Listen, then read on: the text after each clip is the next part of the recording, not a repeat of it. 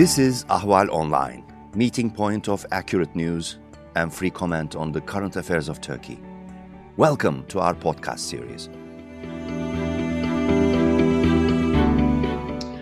Hello and welcome to Hot Pursuit, part of Ahval series, video and podcast series. Today, my guest is joining me from Berlin, Mr. Marc Pierini, former ambassador of EU in Ankara and currently um, senior researcher with Carnegie Europe. Uh, welcome, Marc. Good to have you here. Thank you for having me. As we speak, uh, the, of course, another a new chapter is being written uh, in history. Uh, uh, formally, uh, Sweden and Finland are this afternoon, as we speak, on 29th of June, invited as, as NATO members. After a dramatic, rather dramatic night, I would say, before, when Turkey, which had unexpectedly raised the issue of blocking the membership, again unexpectedly, quite rapidly, deblocked uh, its its veto, uh, and uh, with the help of uh, uh, uh, or with the backing of a memorandum of understanding text that Turkish president had required in in the form of written guarantees for Turkey's what he called Turkey's security concerns. The the text is uh, not too short. Uh, there are some details there. As a colleague of mine from Sweden said, there are there are some devils in the details. Perhaps I would like to hear first your your reading of, of the of the the critical MOU. How do you read into that? Well, the, the first comment is obviously that uh, NATO will now be able to answer in a major way this horrendous invasion of Ukraine by Russia. The uh, lasting opposition to NATO's enlargement would have been a catastrophe, would have played in the hands of the Kremlin, obviously. And, you know, obviously, this is a major crisis across Europe, something we haven't seen in more than 70 years, 7 0. Um, so, uh, we have avoided this. Now, uh, the issue is how is this memorandum going to be implemented?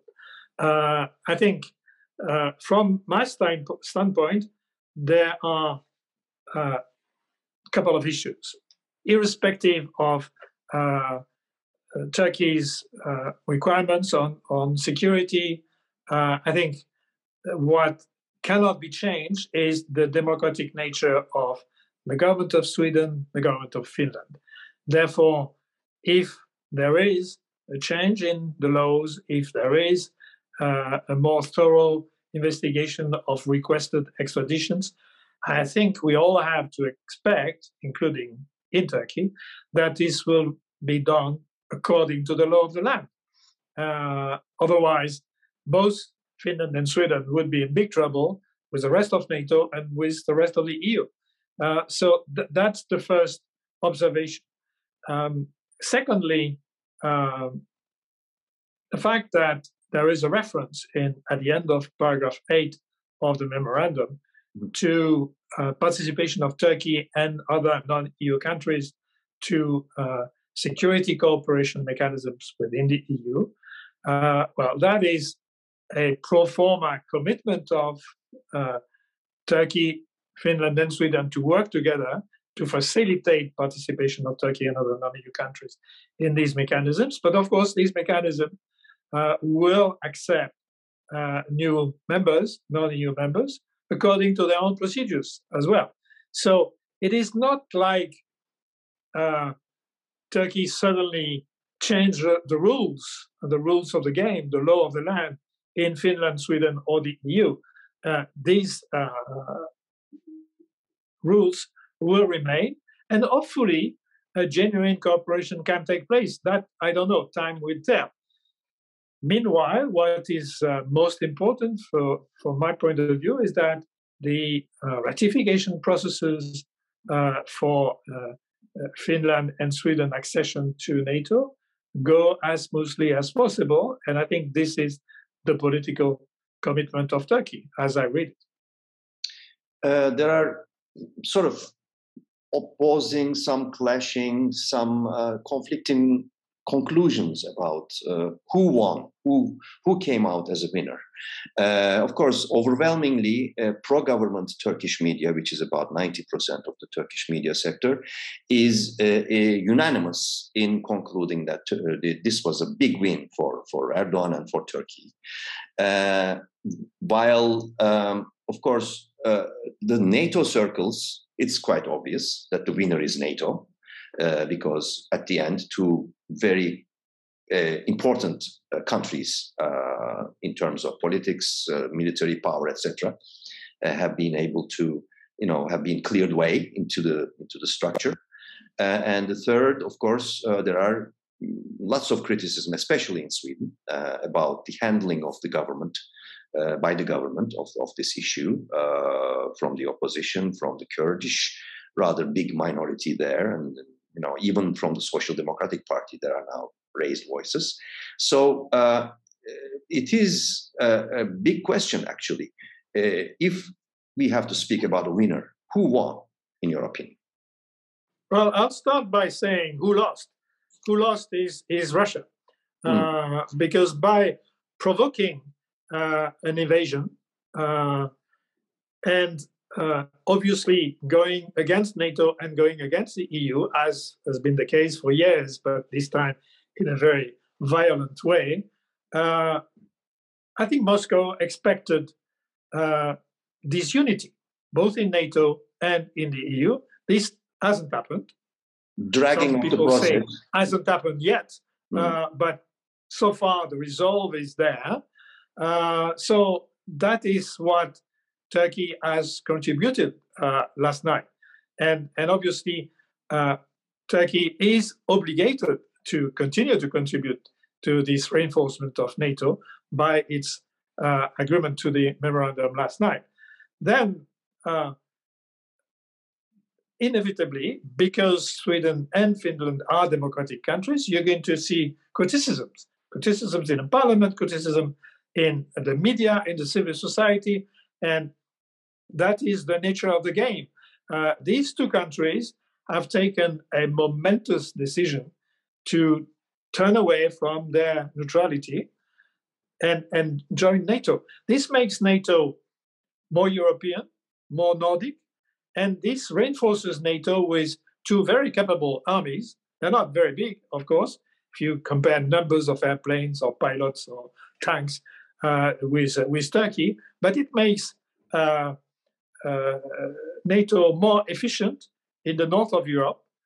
And, and we know that, uh, in particular with the Baltic states, there are explicit threats uh, from Moscow. So this is a, a, very big win for NATO. As I said, uh, what we need now is that the ratification process goes uh, very fast. Now, even if it doesn't go very fast, uh, you already have seen joint exercises between Sweden, Finland, and NATO forces. This will now go on because politically, the accession is there. You know, legally, it's not there, of course. Therefore, they cannot sit in this in, in the full uh, range of institutions of NATO for the moment. But politically, uh, the deal has been done, and Turkey has agreed to that. Uh, so I think uh, it, it uh, reinforces uh, NATO.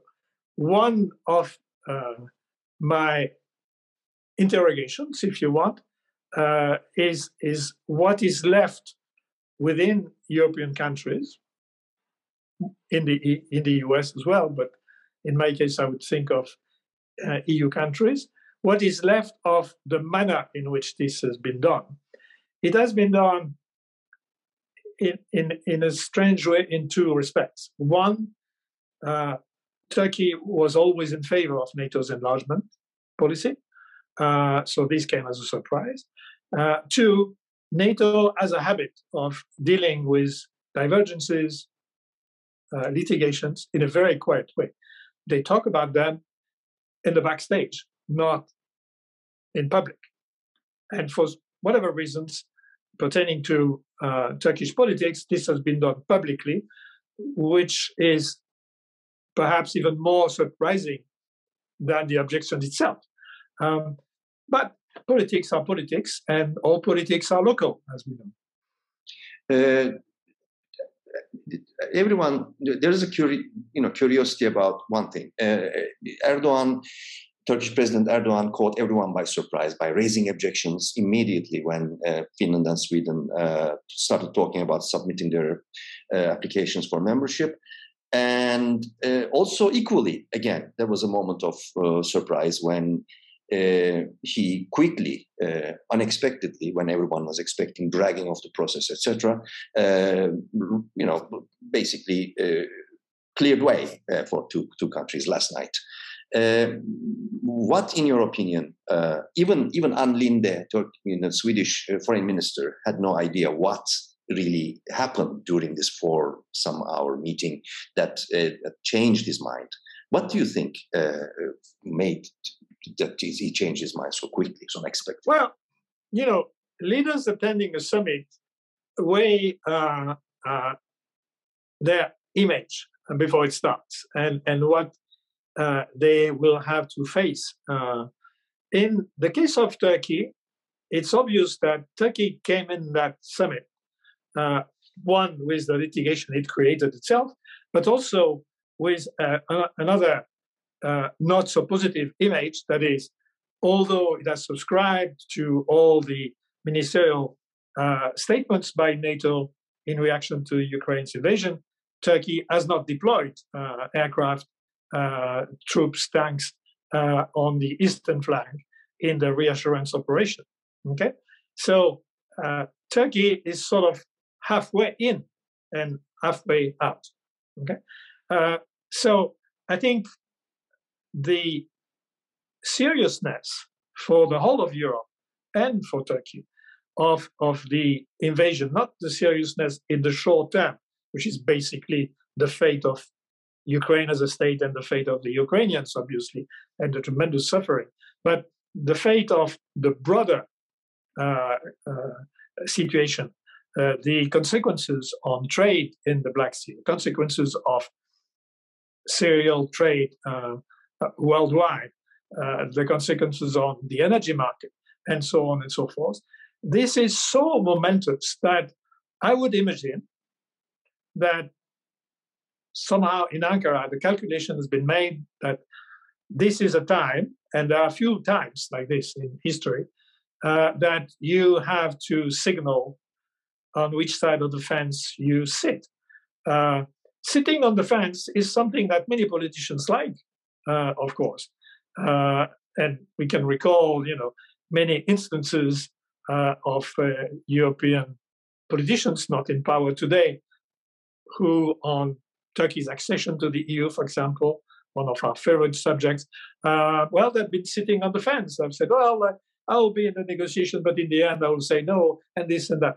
That is not unusual in politics, but this time it's much bigger than the stakes are much bigger than anything we have seen in many, many decades. So, uh, so the, the basically the, the fate of Europe and the fate of Europe's surroundings uh, uh, is at stake.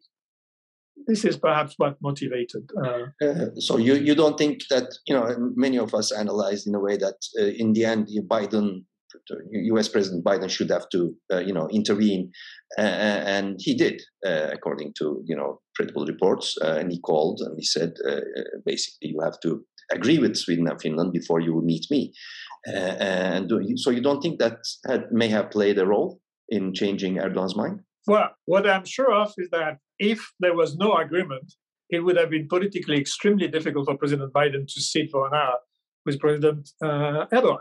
Uh, whether this was expressed as an explicit condition uh, or not, I have no idea, but uh, it would have made that particular meeting, which is a short one, by the way, because one hour's interpretation is half an hour, um, it would have made it close to impossible. What I do not see uh, is is another re- reward coming to Turkey from Washington, uh, because you know we are in pre midterm election uh, period in in Washington. I don't see uh, concessions, quote unquote, as some people have commented in the media. uh, coming from uh, Washington. And as far as I remember, Jake Sullivan said there was nothing of that sort. So, um, the, of course, the relations between the U.S. and Turkey are have been uh, remained thorny, uh, uh, uh, to say the least. Now, of course, the issue now we, we need to discuss in the coming days, of course, following the meeting between Biden and Erdogan, will be whether or not uh, Biden will be able to uh, deliver what Erdogan wants, which is without maybe giving up on S 400 missile systems that Erdogan had purchased, Turkey had purchased, and clearing way for for F1 F F16 uh, purchase. Uh, but Congress is there also uh, as a big, you know, no block. Uh, how do you think those prospects are? Well, uh, you mentioned two important subjects. There is a third one. Uh, Stoltenberg has already announced a surge Uh, in the rapid reaction force, uh, uh, multiplication by a big factor, 40 to more than 300,000. So the first issue is whether Turkey will participate this time in the reassurance operation. Uh, that is a huge subject because it's not that you're adding 5,000 troops. No? You're adding adding 250, 280,000 troops to an already big operation. So that is uh, one of the conclusions of the summit, and an obviously an obvious issue is whether Turkey will subscribe in words or in deeds uh, to that uh, conclusion of, of the summit. This is very big. Secondly, F 16, this is not really in the hands of President Biden. This is in the hands of Congress. And you can read letters from State Department to Congress in that way, or you know, read them partially and so on. The reality is that you have mandatory sanctions, and Congress is not in favor of delivering these uh, airplanes. So that is there, is, is there any way for Erdogan to change the Congress's mind at this stage? Well, you can lobby and lobby and lobby, but uh, the reality is that uh, this is the this your second uh, point. The reality is that as long as the S four hundred are in Turkey, uh, you have a no-go situation. Why? I mean, you can promise 20 times that they're not deployed, they're not operational, and uh, that doesn't matter at all. I tell you what, because you have to look at the S-400 issue not from Ankara, but from Moscow. Okay, what has Moscow achieved there by delivering in July 2019 these systems together with the technical Russian personnel. Okay, and they're sitting there in hangars. Okay, uh, in Mürted or wherever other, uh, whatever other airbase. Um, by delivering these systems, you're physically preventing Turkey to acquire and deploy either Patriot missiles or Eurosam missiles, the French, uh, Italian, okay? Which, as we know, would have been the logical decision by a NATO country, Turkey, participating in the European defense uh, system of NATO.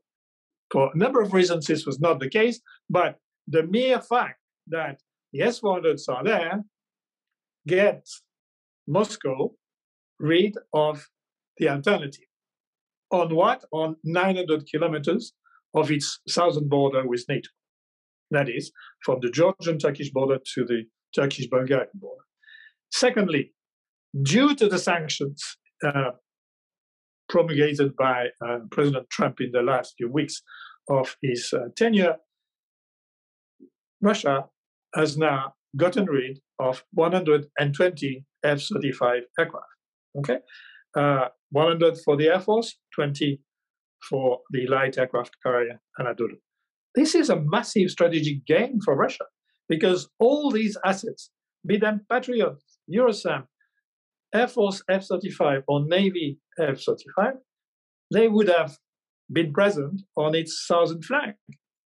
And remember, this negotiation took place from August 2016 to July 2019, way before anybody in European or American military headquarters would even imagine that an invasion of Ukraine will take place. Okay, so you know it's it's a huge gain, and in retrospect, it's an immense benefit for uh, for Russia. So this is the way in which the military in NATO perceive uh, the presence of S-400. And until this is resolved, one way or the other, uh, there'll be a, a big roadblock uh, on the way. Two more questions before I liberate you.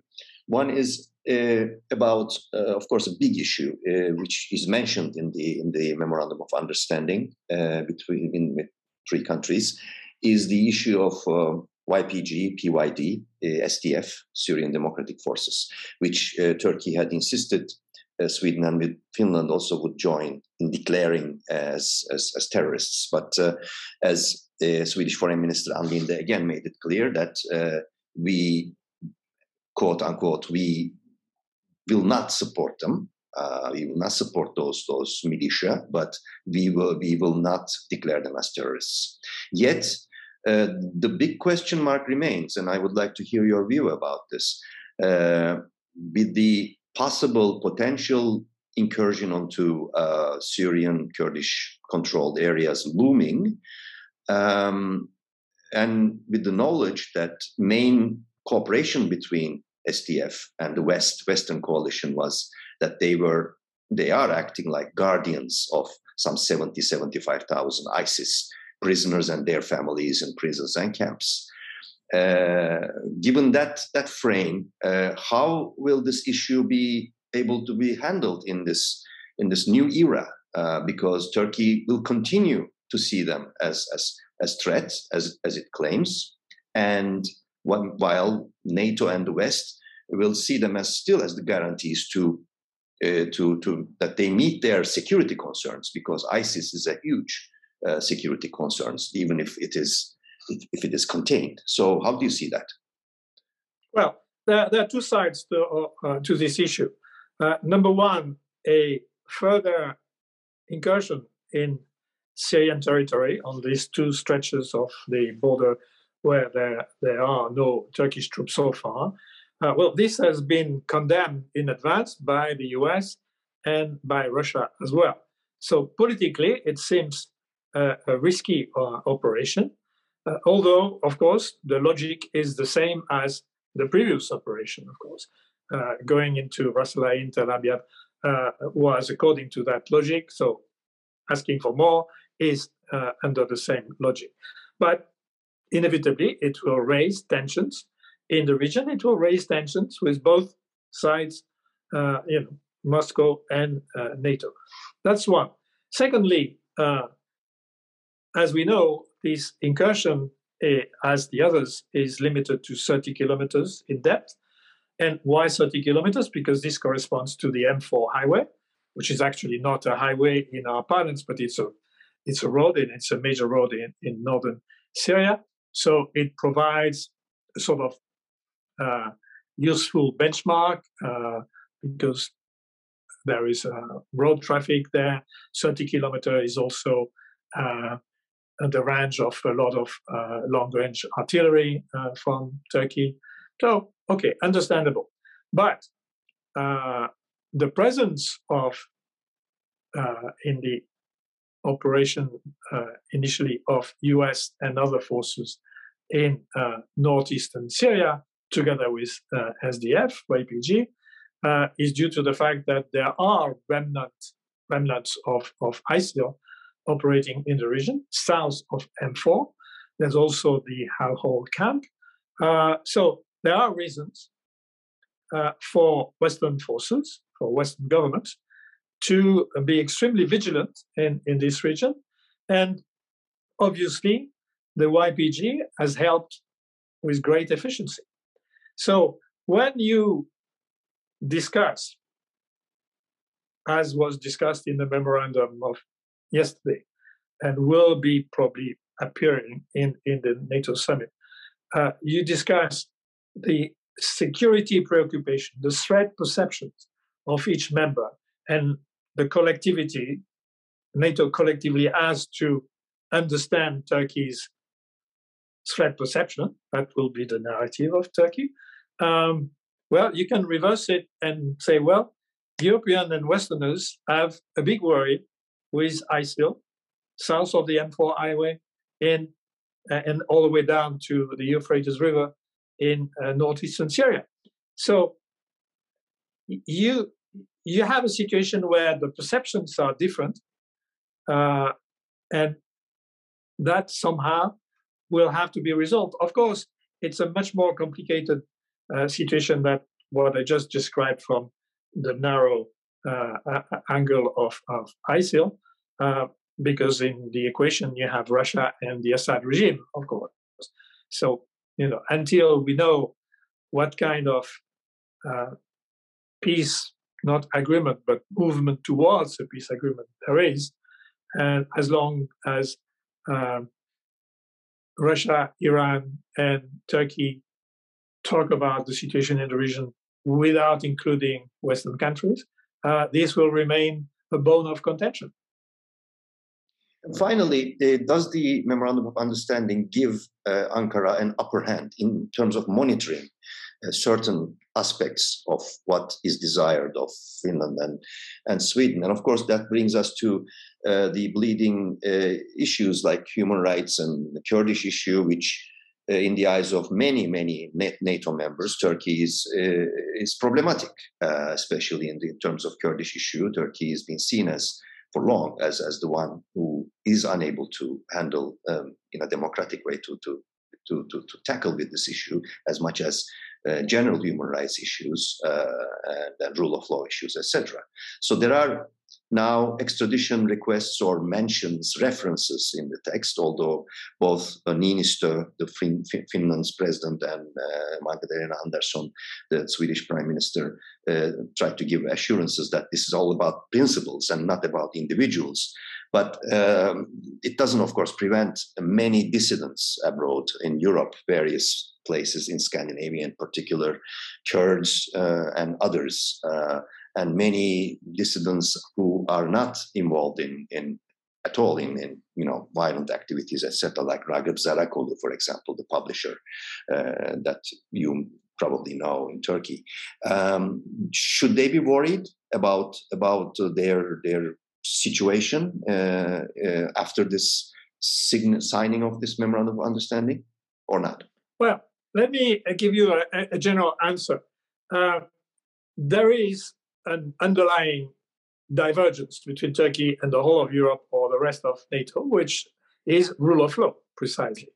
And, uh, you know, nobody uh, in Sweden, Finland, or in Brussels uh, or elsewhere in the EU has forgotten that uh, there was a peace process between uh, going between uh, the government of Turkey and including President Erdogan himself uh, giving his blessing, uh, and, and the PKK uh, until July 2015, right after 7th of June 15 election, where the Kurdish origin party became the second opposition force. So there was a willingness to tackle the relationship with the Kurds of Turkey through a peace process there was involvement of senior figures in the administration, including the, the head of MIT. Um, and this was interrupted. So, rule of law would dictate that at some point, this peace process should resume. Okay. Um, and, you know, the same goes with the mention of the uh, Gulen movement. For Europeans, the Gulen movement was the ally of the AKP, winning the election in 2002, winning all the other elections all the way to December uh, 2013 when they parted company. Okay.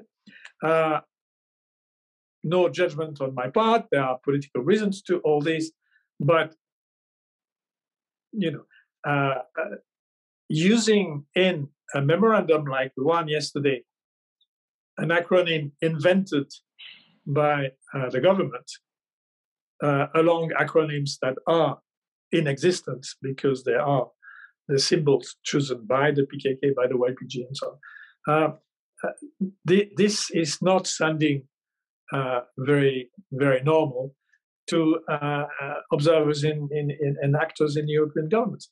But, you know, this is uh, politics.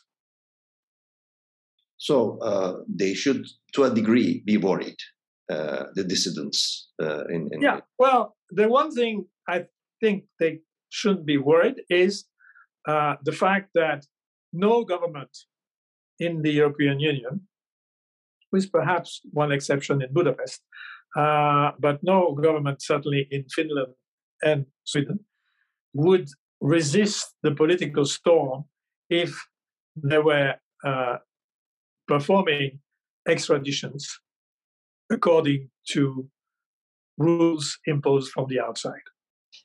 That is just unthinkable to me.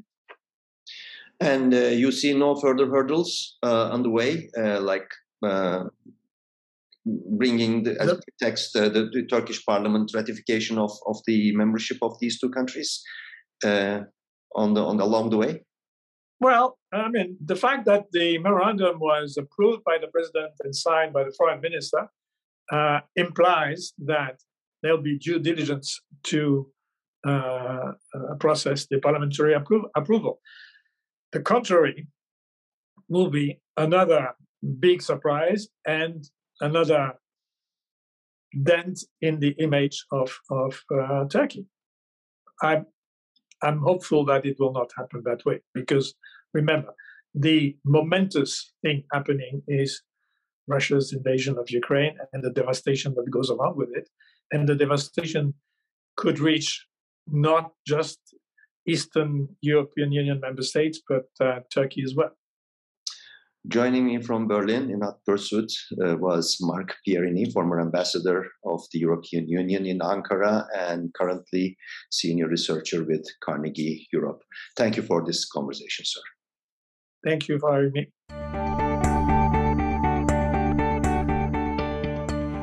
You can follow Ahval News Online podcast series through Apple Podcasts, Spotify, YouTube, Google Podcasts, SoundCloud, and Spreaker. All you need to know about Turkey is here for your ears, mind, and attention. Thank you for listening to our podcast.